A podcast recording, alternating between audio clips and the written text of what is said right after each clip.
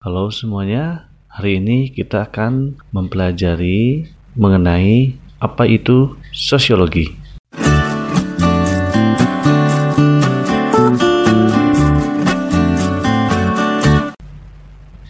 Seperti yang kita ketahui, ternyata sosiologi itu berasal dari sebuah kata sosius dan logos yang sosios berarti teman dan kawan, logos yang berarti pikiran atau pengetahuan yang kemudian diungkapkan dengan sebuah kata-kata.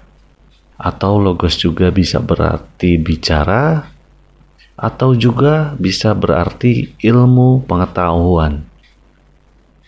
Hal ini dikemukakan istilah sosiologi ini oleh Auguste Comte sebagai yang kita sebut dengan Bapak Sosiologi.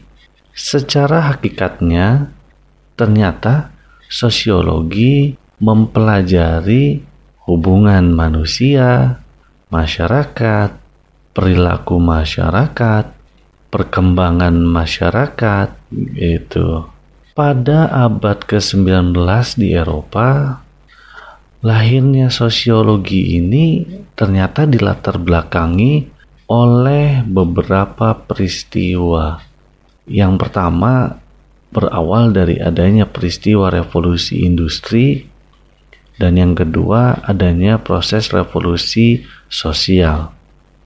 Yang kemudian beberapa revolusi ini menyebabkan terjadinya adanya perubahan-perubahan sosial masyarakat di Eropa sehingga terjadi adanya kesenjangan sosial antara apa yang diharapkan dan apa yang ada.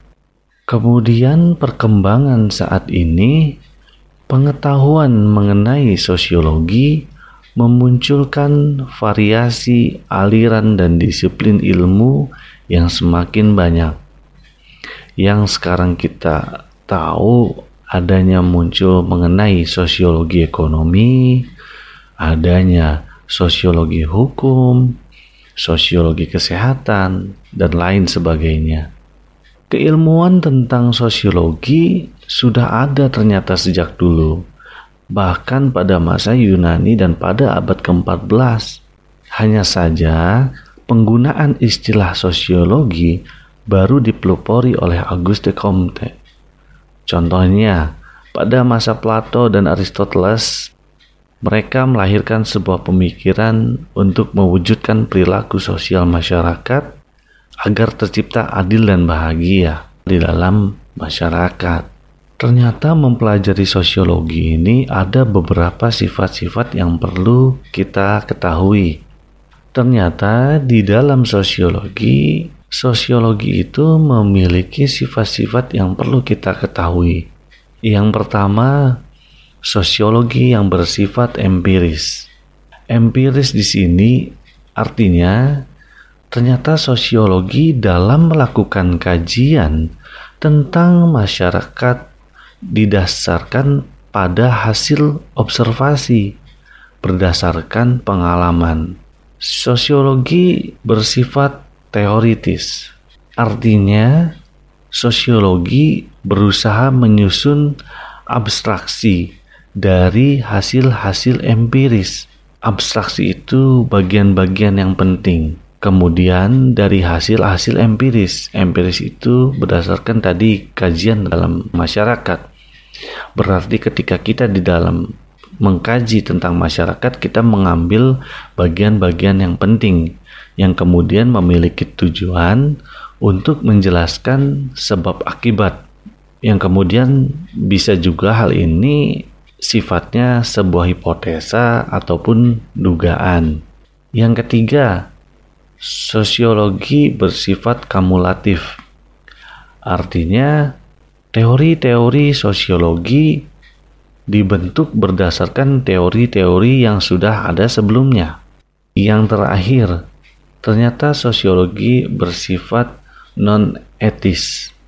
Non-etis ini artinya Yang dilakukan sosiologi itu bukan untuk mencari baik buruknya sebuah fakta atau baik buruknya suatu fakta, tetapi melainkan untuk menjelaskan suatu fakta secara analitis.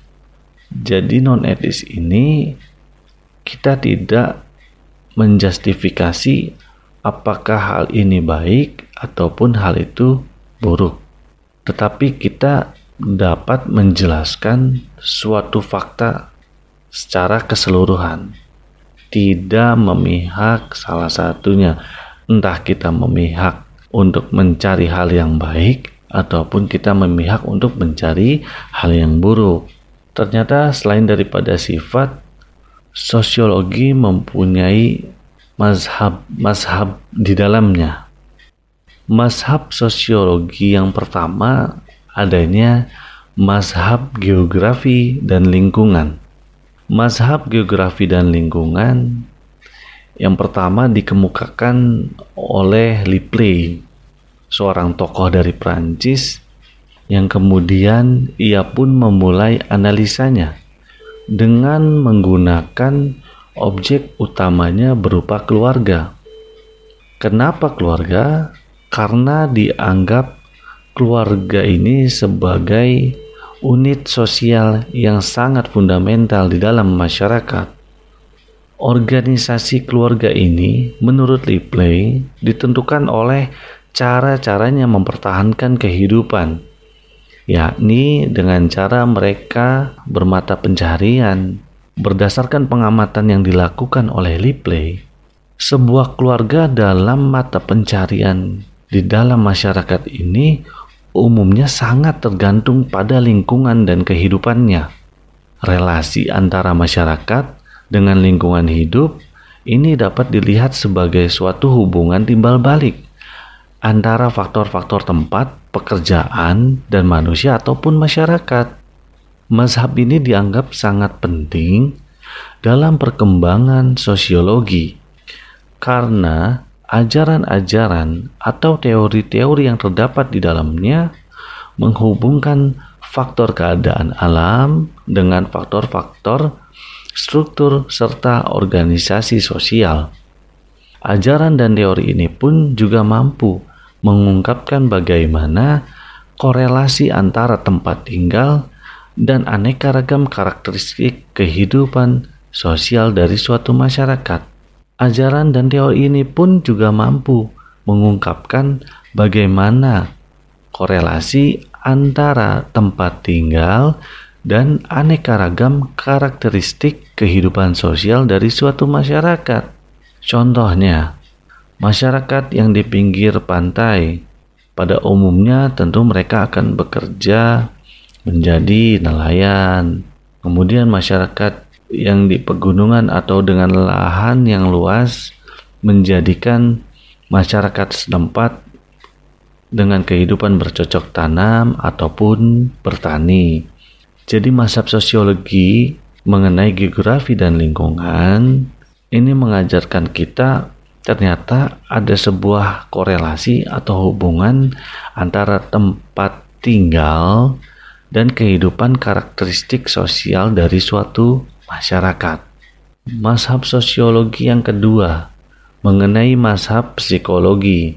Mazhab psikologi ini dipelopori oleh Gabriel Tarde dari Prancis yang kemudian ia mengembangkan pemikiran yang dimulainya dengan suatu dugaan ataupun pandangan awal yang menyebutkan bahwa gejala sosial pada dasarnya mempunyai sifat-sifat psikologis sifat dari psikologis ini terdiri dari bentuk interaksi antara individu yang interaksi tersebut didasarkan atas kepercayaan dan juga keinginan-keinginan individu.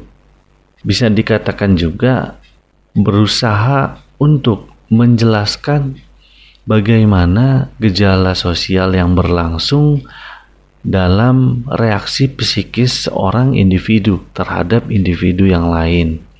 Konsep mazhab psikologi ini sekaligus menunjukkan betapa besarnya pengaruh dari pendekatan psikologis terhadap sosiologi. Kenapa?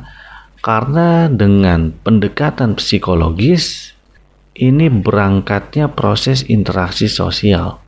Sebelum dimulainya proses interaksi sosial antara individu dengan individu didasarkan atas secara psikologis yaitu bentuk kepercayaan, keinginan-keinginan tertentu yang kemudian berujung pada interaksi antar individu-individu.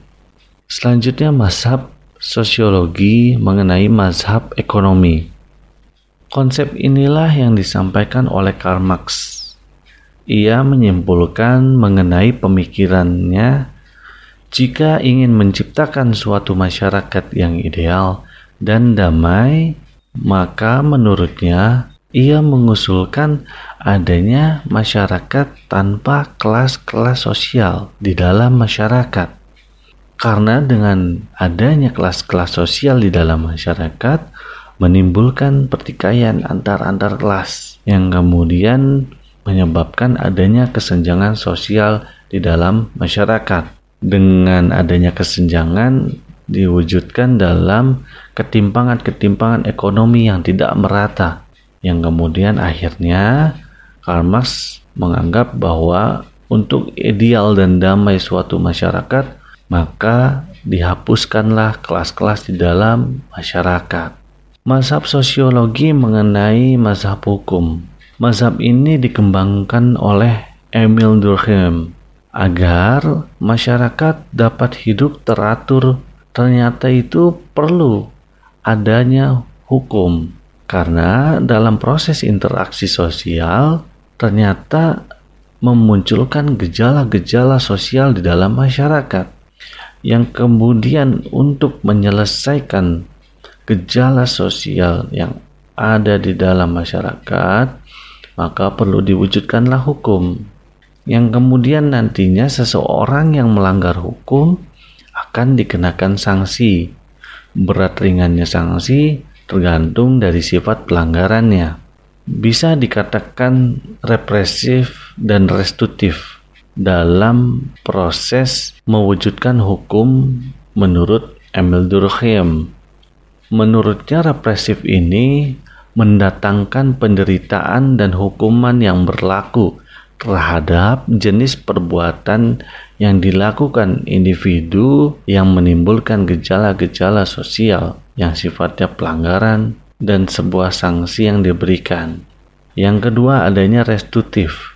Restitutif ini lebih sifat kepada pengembalian seperti semula atau bisa dikatakan mengembalikan hak-haknya seperti keadaan semula. Misalnya ketika ada seseorang yang mengalami kerugian, hal yang dianggap rugi itu dikembalikan seperti semula. Hak-haknya dipenuhi lagi seperti keadaan semula. Selanjutnya mazhab sosiologi mengenai mazhab formil. Tokoh sosiologi yang utama dalam mazhab formil ini adalah George Simmel. Simmel mengatakan bahwa elemen-elemen yang ada di dalam masyarakat pada dasarnya dapat mencapai suatu kesatuan. Individu di dalam masyarakat dalam sosialisasinya harus menjadi warga masyarakat. Tanpa menjadi warga masyarakat, tentu tidak akan mungkin terjadi interaksi sosial. Dan dengan bermasyarakat, individu tentu akan paham mengenai tugas dan perannya agar menjadi satu kesatuan di dalam masyarakat. Untuk mencapai kesatuan ini, masyarakat dapat membentuk suatu bentuk yang dapat mengatur hubungan di antara elemen-elemen tersebut, seperti dilahirkannya sebuah lembaga, agar lembaga yang dibentuk dapat mengatur hubungan di dalam masyarakat dengan baik, yang kemudian maka sifatnya harus dalam bentuk subordinasi terstruktur. Misalnya, di daerah ada pemerintah daerah, Kemudian dalam tingkat provinsi ada pemerintah provinsi atau pemprov yang kemudian di tingkat pusat ada pemerintahan pusat. Jadi setiap lembaga-lembaga ini menjadi satu kesatuan agar menciptakan hubungan yang terstruktur lembaga ini. Selanjutnya ada mazhab sosiologi mengenai mazhab organis. Mazhab ini mempelajari kehidupan masyarakat dikaitkan dengan pendekatan terhadap individu dengan individu maupun individu dengan kelompok.